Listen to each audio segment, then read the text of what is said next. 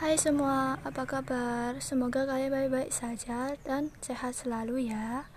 Ya, kali ini saya akan membahas menelah unsur-unsur penting dalam buku fiksi dan non-fiksi. Buku fiksi memiliki daya tarik untuk menjadikannya enak dibaca. Contoh buku fiksi adalah antologi puisi, cerpen, atau novel. Banyak hal yang menyebabkan seseorang tertarik pada karya fiksi seperti pamerannya dalam buku fiksi tersebut, amanat yang menyentuh, tokoh yang menawan, dan latar yang mengesankan. Buku fiksi adalah buku yang bersifat kehayalan dan tidak bersifat nyata. Sedangkan buku non-fiksi adalah bersifat buku tentang pendidikan. Dalam sebuah buku banyak terdapat kata-kata yang saling perhubungan yang disebut sebagai ungkapan, misalnya lapang dada,